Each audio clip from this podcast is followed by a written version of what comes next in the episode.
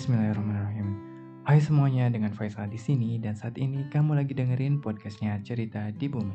Di episode kali ini kita akan membahas tentang sebuah konsep pemikiran atau kerennya sebuah aliran filsafat yang menawarkan kita cara berpikir untuk merasa bahagia, merasa tenang di tengah gempuran hidup yang kelihatannya ganas ini.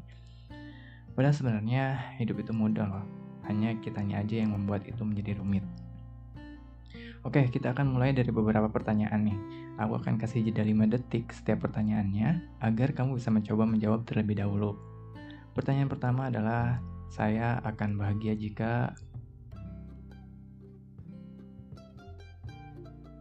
saya akan lebih tenang jika Pertanyaan ketiga adalah, saya tidak akan cepat marah jika Dan pertanyaan terakhir adalah saya akan lebih sabar jika Nah, kalau kamu udah mencoba menjawabnya, coba nanti kamu ingat-ingat jawabannya ya. Karena hal itu bisa jadi salah satu cara sederhana untuk dapat membuktikan apakah kamu telah tepat menempatkan kepuasan dan kebahagiaan dalam hidup kamu atau tidak. Karena jika tidak, boleh jadi kamu akan sangat mudah mengalami kecemasan dan sangat sulit untuk merasakan sebuah kebahagiaan gitu.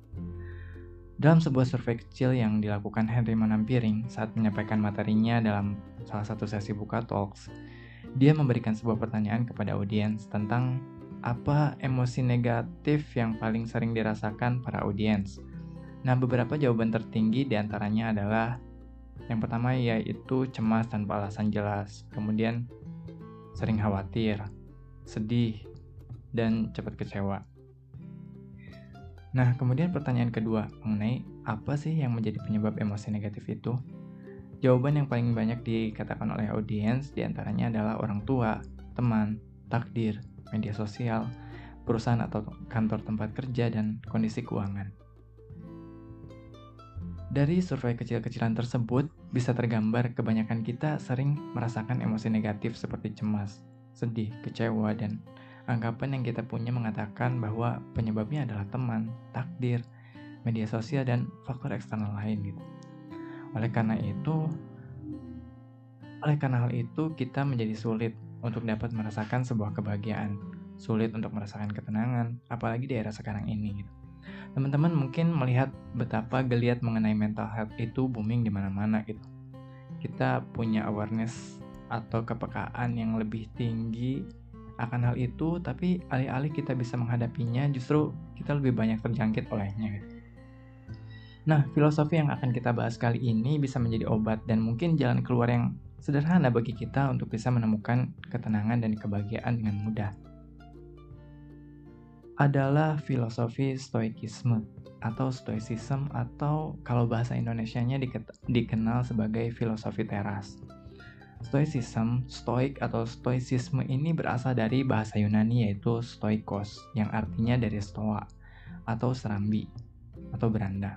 Hal tersebut mengacu pada stoa poikile atau beranda berlukis yang di Athena, di mana para filsuf stoik Zeno dari Sitium yang memberikan pengaruh besar pada stoicisme pernah mengajar. Nah, Stoicism ini atau stoikisme ini diciptakan di kota Athena, Yunani oleh Zeno dari Sitium pada awal abad ketiga sebelum Masehi. Nah, filsafat ini dianut oleh beberapa filsuf dari Yunani, mulai dari Epictetus, yaitu seorang mantan budak, Seneca, yaitu politisi dari era Kaisar Nero, dan juga Marcus Aurelius yang merupakan seorang kaisar. Artinya apa? Filosofi ini sifatnya inklusif, yang bisa dirasakan atau bisa diaplikasikan oleh semua kalangan, mulai dari kaisar sampai ke budak. Stanford Encyclopedia of Philosophy memberikan definisi stoikisme sebagai filosofi hidup di mana segala sesuatu dianggap netral, sehingga yang menentukan baik, buruk, berguna atau tidak sesuatu itu adalah pikiran manusia itu sendiri itu. Nah, dalam stoikisme ditekankan bahwa everything come for a reason gitu. Dunia ini berjalan ada polanya, ada desainnya dan tertata berdasarkan prinsip yang rasional. Gak ada yang kebut gak ada yang kebetulan dan semuanya punya uh, apa namanya punya sebab dan alasan terjadinya. Adapun pandangan eh adapun pandangan mencolok gitu ya terkait etika di dalam filosofi ini adalah tentang bagaimana manusia itu memilih sikap untuk uh, dengan menekankan pada apatheia yaitu hidup pasrah dan tawakal dengan menerima semua keadaan yang ada di dunia ini. Sikap tersebut adalah cerminan dari kemampuan nalar manusia dan juga kemampuan tertinggi dari semua aspek hidup. Nah, dalam filosofi stoikisme ini, semua hal yang terjadi dalam hidup manusia itu sifatnya netral, seperti yang telah tadi didefinisikan gitu. Tidak ada yang berperan positif atau negatif, tidak ada hal buruk atau baik. Hal yang hal yang bisa menjadikan eh, hal-hal tersebut menjadi positif atau negatif, baik atau buruk adalah interpretasi kita masing-masing terhadap hal itu. Jadi kuncinya adalah di pikiran kita dan kadang kadang bukan kadang sih sering kali mungkin ya sering kali kita sendiri uh, terlalu mendramatisir apa yang terjadi padahal kita hanya perlu sewajarnya saja menghadapinya gitu para filsuf stoik menganggap kebahagiaan itu bukan untuk dikejar mereka lebih fokus pada cara bagaimana dapat mengurangi emosi negatif mulai dari marah, sedih, stres, dan juga galau dengan memperbaiki nalar tersebut gitu. Maka kita akan lebih mampu mengendalikan perilaku kita dalam menghadapi emosi tersebut. Ketakutan kita untuk menghadapi situasi yang tidak kita harapkan sebenarnya lebih besar dibandingkan dengan akibat yang akan muncul pada peristiwa tersebut gitu. Menurut konsep uh, stoikisme ini, jalan termudah untuk menuju kebahagiaan adalah didasarkan pada tiga poin berikut ini. Yang pertama adalah kemampuan dalam melihat diri sendiri, dunia, serta manusia lain secara objektif dan menerima sifat mereka dengan apa adanya. Nah, stoikisme ini cenderung memisahkan bukan memisahkan sih, cenderung mengambil jarak eh, dengan emosi dan dia lebih menekankan pada aspek rasionalitas. Yang kedua adalah disiplin untuk mencegah diri sendiri dikendalikan oleh keinginan untuk bahagia atau takut terhadap rasa sakit dan juga penderitaan.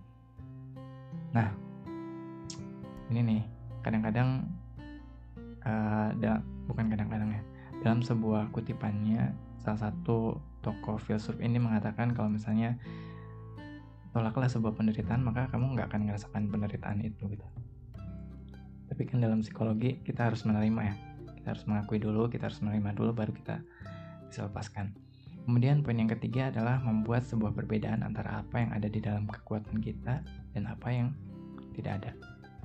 Selain itu, konsep ini juga mengajarkan kepada kita bahwa apa yang ada dalam kendali kita hanyalah pikiran, persepsi, keyakinan, dan tindakan kita sendiri. Setelah uh, mengungkap beberapa fakta dan konsep secara umum gitu ya, sebenarnya filosofi stoikisme ini apa sih tujuannya gitu? Jadi tujuannya itu adalah untuk meningkatkan atau melakukan penguasaan diri teman-teman jadi seseorang yang bisa menguasai diri dengan baik, cenderung dia akan merasa lebih tenang, tahan mental dan punya emosi yang seimbang gitu. Dan hal ini sangat berguna dalam keseharian karena hal ini mengajarkan kita untuk tetap tenang saat menghadapi situasi sulit maupun tak terduga gitu. Membantu kita menghadapi kehidupan terutama menghadapi sebuah masalah atau hal-hal yang gak mengenakan lah buat kita gitu. Nah, aliran filsafat ini menekankan pada kita buat mengontrol emosi negatif. Tadi ya, poinnya adalah kita bisa mengontrol emosi negatif dan kita bisa mengamplify atau melipat gandakan kebahagiaan dan rasa syukur. Dan bagusnya lagi, ternyata filosofi ini nggak berbenturan dengan agama mana pun, teman-teman. Jadi karena ini bukan sebuah kepercayaan dan keyakinan ya, tapi ini adalah konsep pemikiran yang bisa kita aplikasikan dalam kehidupan gitu. Nah, beberapa hal penting yang diajarkan dalam filosofi stoikisme ini uh, ada beberapa poin nih yang akan dijelaskan. Yang pertama adalah tentang dua dimensi hidup. Di dalam hidup ini kita punya dimensi internal dan eksternal. Dan ini dinamakan dikotomi kendali dalam filosofi stoikisme jadi kalau internal itu, dimensi internal itu berada penuh pada kendali diri sendiri. dan dimensi eksternal itu adalah di luar kontrol kita gitu. Nah, dikotomi kendali ini adalah kita harus bisa membedakan mana sih sesuatu yang bisa kita kendalikan dan mana sih sesuatu yang nggak bisa kita kendalikan gitu. Tentunya yang bisa kita kendalikan ya faktor internal gitu kan. Sementara faktor eksternal kita berlepas diri dari hal itu gitu. Nah, makanya seharusnya kita itu bahagia dengan apa yang dicapai dalam dimensi internal. Kita ambil sebuah contoh ya, misalkan kondisinya kita akan main dengan teman-teman kita, tapi ketika kita mau berangkat, turun hujan gitu.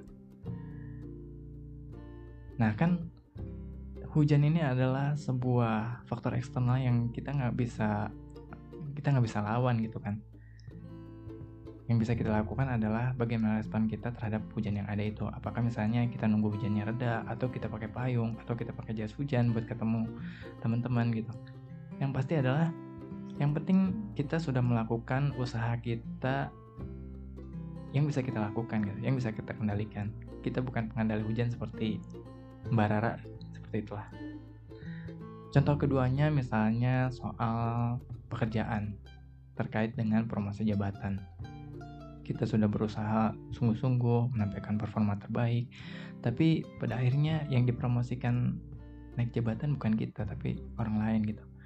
Nah, di dalam filosofi stoikisme yang penting atau yang tekankan untuk kita adalah usaha kita gitu. Apa yang bisa kita kendalikan dari internal faktor eksternal seperti penilaian bos kemudian bagaimana uh,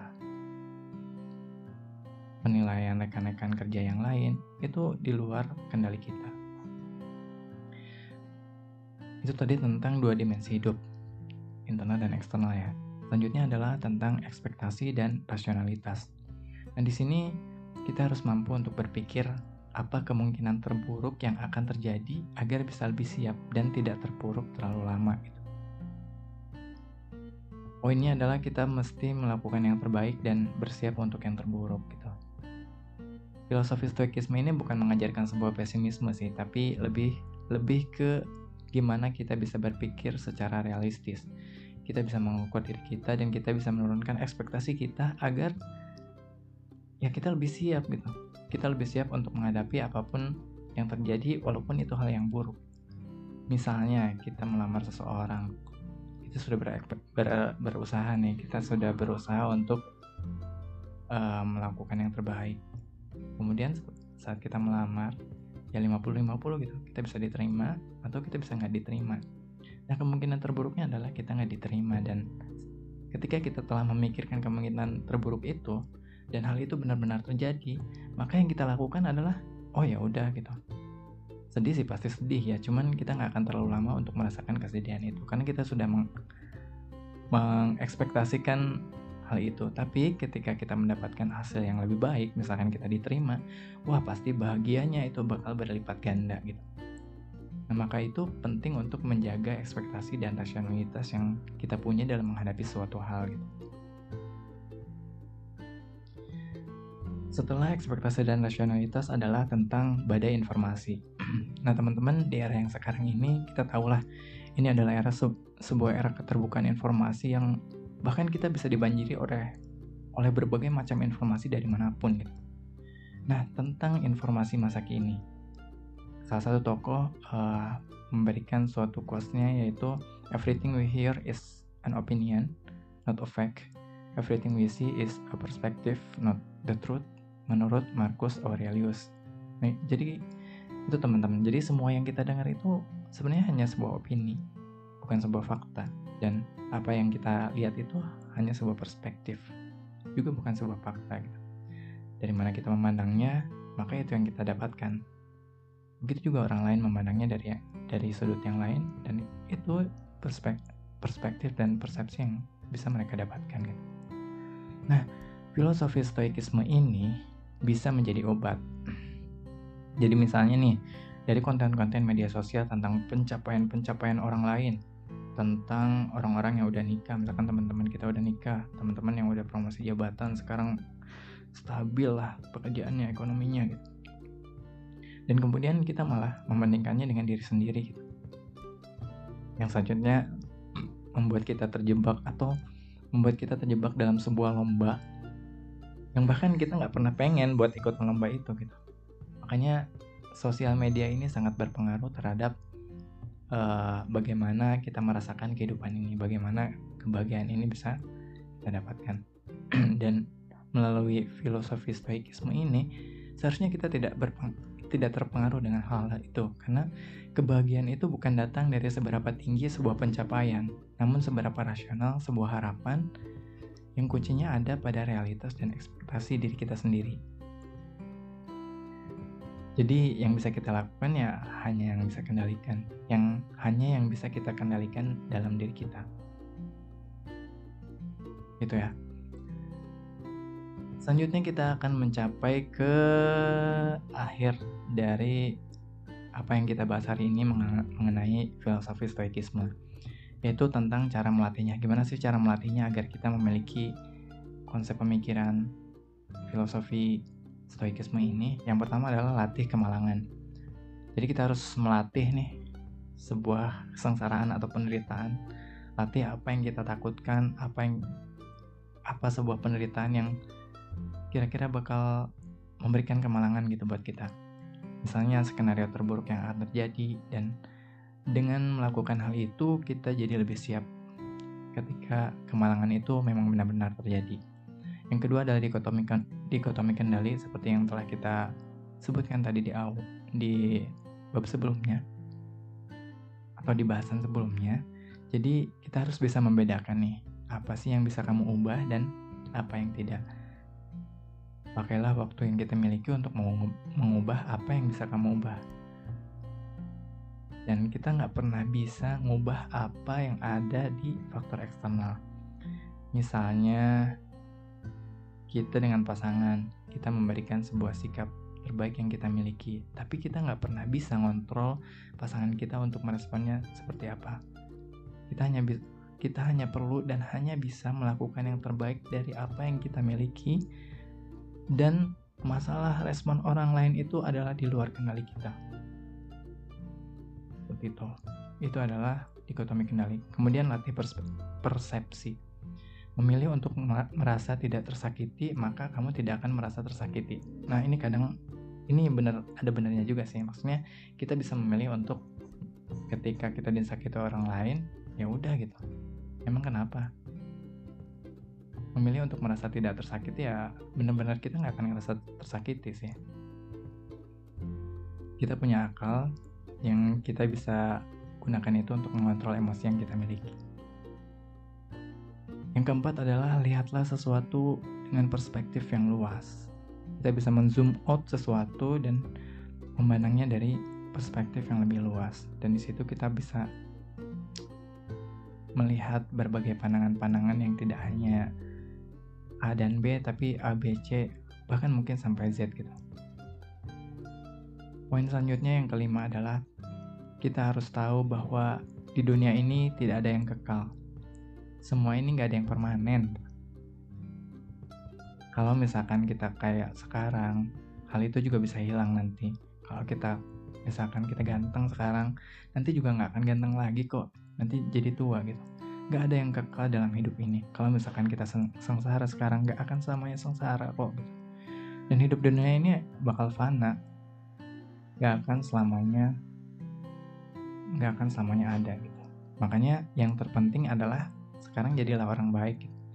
supaya dengan kebijakan kita dengan kebijaksanaan dan kebaikan kita tuh alam itu berharmoni secara selaras karena memang pada dasarnya stoikisme ini apa ya mengajarkan kalau misalkan manusia itu harus berbuat baik agar alam yang ada ini alam semesta ini berjalan sebagaimana semestinya gitu.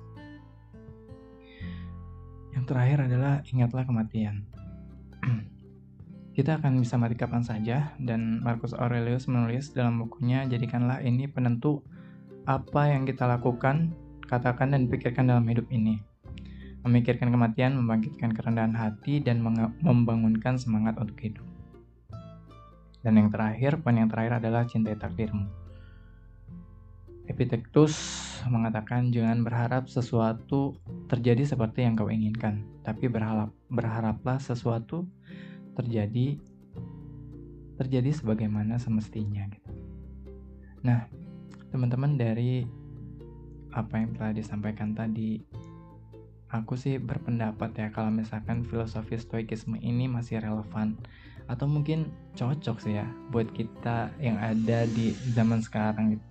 Bagaimana kemudian kita bisa memahami bahwa kita tuh ya hanya bisa mengendalikan apa yang ada dalam internal diri kita dan kita berlepas diri akan apa yang ada di faktor eksternalnya gitu. Nah, inti dari konsep stoikisme ini sebenarnya sangat ada sangat sederhana. Kita hanya perlu sadar bahwa sebenarnya kita ini adalah makhluk yang sangat kecil di, mu di muka bumi atau alam semesta. Dunia ini nggak cuma tentang kita, kita ini bukan poros dunia, kita biasa aja gitu. Alam semesta ini punya grand desainnya, dan kita hanya perlu menjalankannya dengan sebaik-baiknya dengan melakukan kebaikan.